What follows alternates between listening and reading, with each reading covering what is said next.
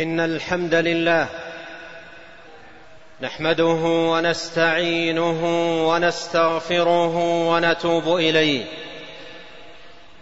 ونعوذ بالله من شرور أنفسنا وسيئات أعمالنا. من يهده الله فلا مضل له ومن يضلل فلا هادي له. وأشهد أن لا إله إلا الله وحده لا شريك له وأشهد أن محمدا عبده ورسوله وصفيه وخليله وأمينه على وحيه ومبلغ الناس شرعه. ما ترك خيرا إلا دل الأمة عليه ولا شرا إلا حذرها منه. فصلوات الله وسلامه عليه وعلى آله وصحبه أجمعين. أما بعد معاشر المؤمنين عباد الله اتقوا الله تعالى واذكروا الله كثيرا لعلكم تفلحون. عباد الله إن أعظم الأعمال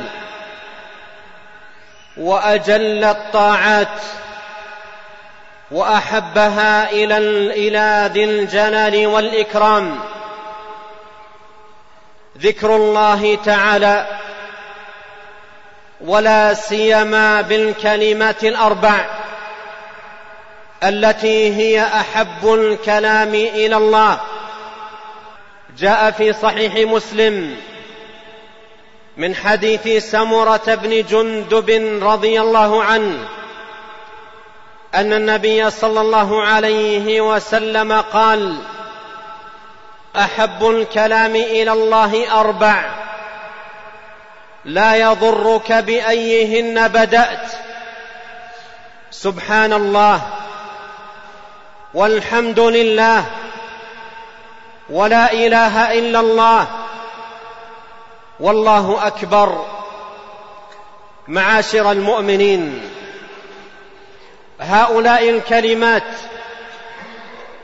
حبيبات إلى الرحمن جل وعلا بل هي أحب الكلام إلى الله عز وجل وقد رتب عليهن جل وعلا اجورا كثيرة. وأفضالا عميمة وخيرات متوالية في الدنيا والآخرة. والمؤمن الموفق من يغنم حياته في الإكثار من ذكر الله. ولا سيما هؤلاء الكلمات العظيمات. يقول نبينا عليه الصلاة والسلام كما جاء في صحيح مسلم لأن أقول سبحان الله والحمد لله ولا إله إلا الله والله أكبر أحب إلي مما طلعت عليه الشمس أي أحب إلي من الدنيا كلها بما فيها من أنواع النعم وصنوف المنن. وليت قلوبنا تعقل ذلك وتعيه.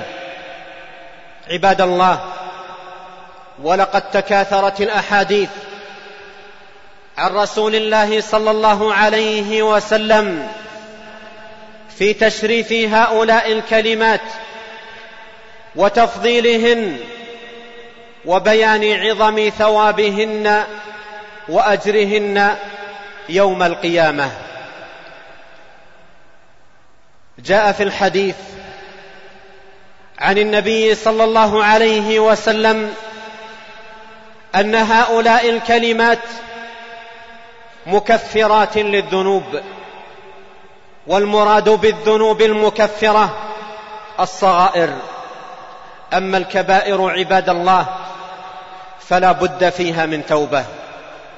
روى الترمذي في سننه عن عبد الله بن عمرو بن العاص رضي الله عنهما عن النبي صلى الله عليه وسلم أنه قال ما على الأرض رجل يقول سبحان الله والحمد لله ولا إله إلا الله والله أكبر ولا حول ولا قوة إلا بالله إلا كفرت عنه ذنوبه ولو كانت مثل زبد البحر.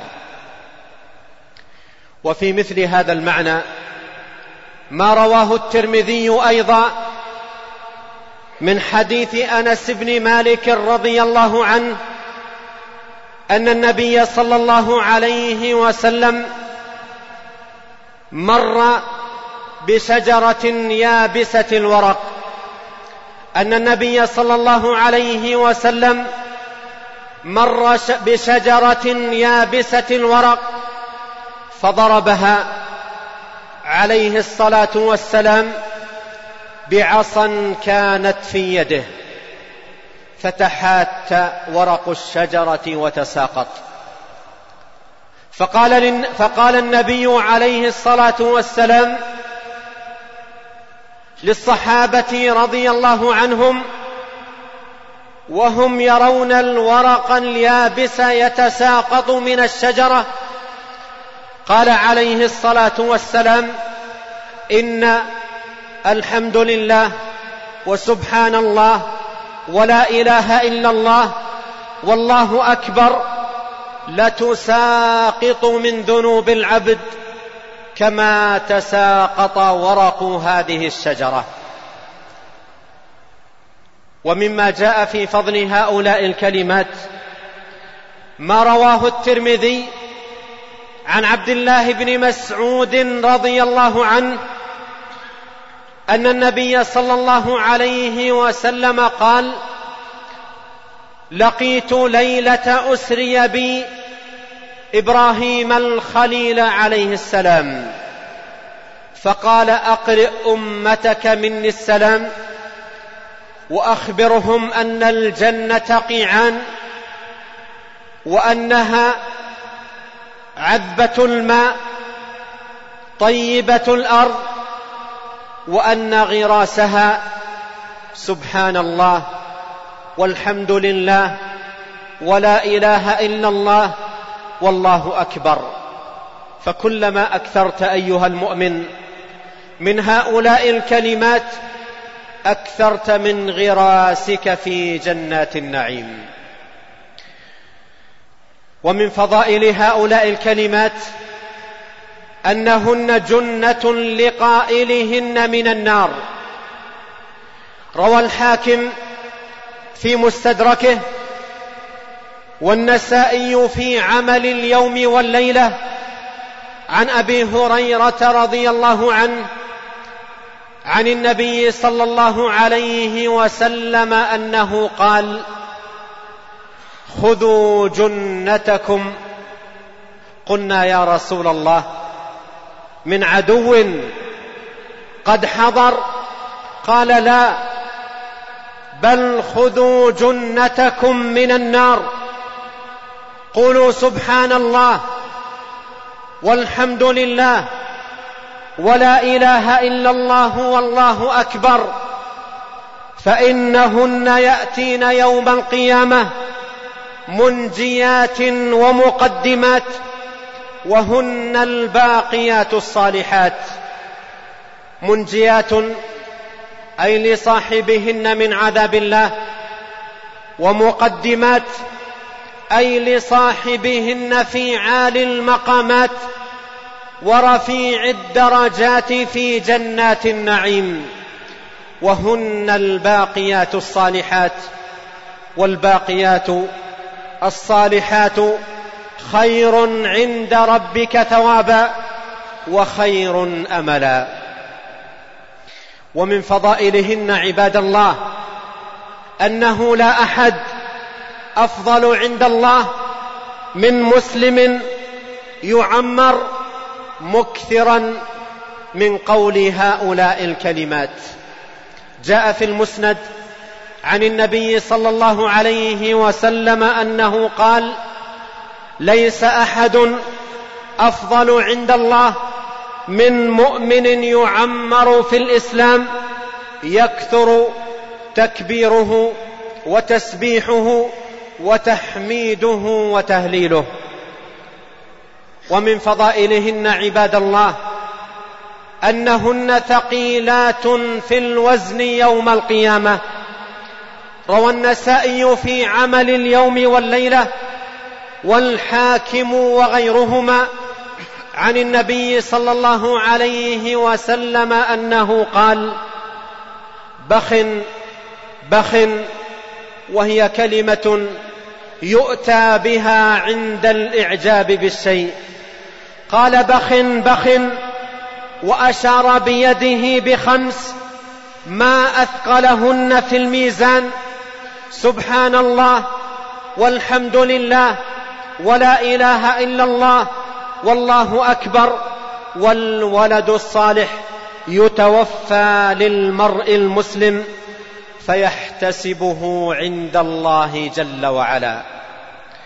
ومن فضائل هؤلاء الكلمات عباد الله أن النبي صلى الله عليه وسلم جعلهن مجزئات لمن لم يتمكن من حفظ القرآن أو ثقل عليه حفظه. فقد جاء في الحديث في سنن أبي داود وغيره من حديث ابن أبي أوفى أن اعرابيا أتى النبي صلى الله عليه وسلم فقال إني لا أستطيع أن أتعلم القرآن فعلمني شيئا يجزيني. فقال له النبي عليه الصلاة والسلام قل سبحان الله والحمد لله ولا إله إلا الله والله أكبر. فقبض الأعرابي يده. وقال يا رسول الله هذا لله فما لي؟ فقال النبي عليه الصلاة والسلام قل اللهم اغفر لي وارحمني واهدني وارزقني وعافني. فقبض الرجل كفيه. فقبض الرجل كفيه ومضى فقال النبي عليه الصلاة والسلام أما هذا فقد ملأ يديه بالخير. عباد الله لنغنم وجودنا في هذه الحياة لنكثر من ذكر الله جل وعلا ولا سيما بهؤلاء الكلمات العظيمات. سبحان الله والحمد لله ولا إله إلا الله والله أكبر. اللهم اجعلنا لك ذاكرين ولنعمائك شاكرين وبطاعتك عاملين. أقول هذا القول وأستغفر الله لي ولكم ولسائر المسلمين من كل ذنب فاستغفروه يغفر لكم. إنه هو الغفور الرحيم. الحمد لله عظيم الإحسان واسع الفضل والجود والامتنان. وأشهد أن لا إله إلا الله وحده لا شريك له. وأشهد أن محمدا عبده ورسوله صلى الله وسلم عليه وعلى آله وصحبه أجمعين. أما بعد عباد الله اتقوا الله تعالى. ثم اعلموا رعاكم الله أن هؤلاء الكلمات الأربع مشتملات على أعظم المعاني وأجل المطالب وأرفع المقاصد وأنبل الأهداف.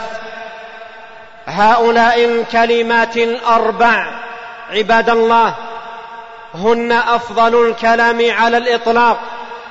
وأحبه إلى الله جل وعلا لأنهن كلمات جمعن أسس الخير وأعمدة الفضيلة كلمات عليهن قيام دين الله تبارك وتعالى فهن أساس الطاعات ومشتملات على معاني أسماء الله الحسنى وصفات الله العليا كلها. ولهذا قال بعض أهل العلم لعل هذا هو السر في هذا الفضل العظيم الذي خصت به هؤلاء الكلمات الأربع. فسبحان الله كلمة تنزيه وتقديس لله جل وعلا وإليها ترجع أسماء التنزيه كالقدوس والسلام والسبوح ونحوها. والحمد لله كلمة عظيمة فيها إثبات جميع الكمالات لله جل وعلا فهي كلمة ثناء على الله ثناء عليه جل وعلا وتمجيد له. بأسمائه الحسنى وصفاته العليا ونعمه التي لا تعد ولا تحصى. والله أكبر. كلمة تعظيم لله. فيها إثبات عظمة الله وكبرياؤه. وأنه جل وعلا لا أحد ولا شيء أكبر منه. كما قال عليه الصلاة والسلام لعدي رضي الله عنه وهل شيء أكبر من الله؟ وأما لا إله إلا الله فهي أعظم هؤلاء الكلمات وفيها توحيد الله وإخلاص الدين له والبراءة من الشرك والخلوص منه. ولهذا عباد الله يتأكد على كل مسلم يحرك لسانه بهؤلاء الكلمات أن يستحضر معانيهن العظيمات ليكون ذلك أبلغ في الأثر وأعظم في الفائدة فيجمع في ذكره لربه بهؤلاء الكلمات بين الذكر باللسان والذكر بالقلب. والكيس عباد الله من دان نفسه وعمل لما بعد الموت والعاجز من أتبع نفسه هواها وتمنى على الله الأماني. وصلوا وسلموا رعاكم الله. على محمد بن عبد الله كما أمركم الله بذلك في كتابه فقال إن الله وملائكته يصلون على النبي. يا أيها الذين آمنوا صلوا عليه وسلموا تسليما. وقال صلى الله عليه وسلم من صلى علي واحدة صلى الله عليه بها عشرا.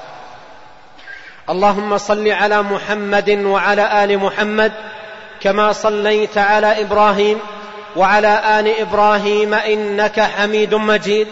وبارك على محمد وعلى آل محمد كما باركت على إبراهيم وعلى آل إبراهيم إنك حميد مجيد. وارض اللهم عن الخلفاء الراشدين الأئمة المهديين أبي بكر وعمر وعثمان وعلي وارض اللهم عن الصحابة أجمعين وعن التابعين ومن تبعهم بإحسان إلى يوم الدين وعنا معهم بمنك وكرمك وإحسانك يا أكرم الأكرمين. اللهم أعز الإسلام والمسلمين وأذل الشرك والمشركين ودمر أعداء الدين واحم حوزة الدين يا رب العالمين. اللهم آمنا في أوطاننا وأصلح أئمتنا وولاة أمورنا. اللهم وفق ولي أمرنا لهداك واجعل عمله في رضاك. اللهم آت نفوسنا تقواها. زكها أنت خير من زكاها. أنت وليها ومولاها. اللهم أعنا على ذكرك وشكرك وحسن عبادتك. اللهم اجعلنا لك ذاكرين لك شاكرين إليك أواهين منيبين. لك مخبتين لك مطيعين. اللهم إنا ظلمنا أنفسنا وإن لم تغفر لنا وترحمنا لنكونن من الخاسرين. ربنا آتنا في الدنيا حسنة وفي الآخرة حسنة وقنا عذاب النار. عباد الله اذكروا الله يذكركم واشكروه على نعمه يزدكم ولذكر الله أكبر والله يعلم ما تصنعون.